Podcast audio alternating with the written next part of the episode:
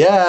Hai. Uh, kita main soal menyoal, okey? Uh, kelebihan kepada dia adalah 10 soalan dia dapat tanya dekat Abang Johan kau kira pemenang. Kita nak buat pasal okey, dua sahabat yang sedang masak. Dia akan mulakan dulu. Kita cuba Tiga, dua, satu. uh, masak apa hari ni? Kenapa nak tanya? Ayam ke ikan? Pisau dia pisau. Parah. Dia nak parang kan? Pandai ke pakai barang? Uh. Apa? Tak dengar.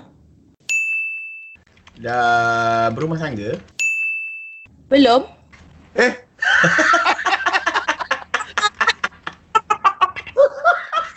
kenapa jawab soalan?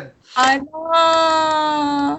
Aduh. Okey, tak apa. Awak ada satu, dua, tiga, empat lah. Empat soalan yang telah pun dikeluarkan untuk awak. Termasuk dengan parang tadi. Okey.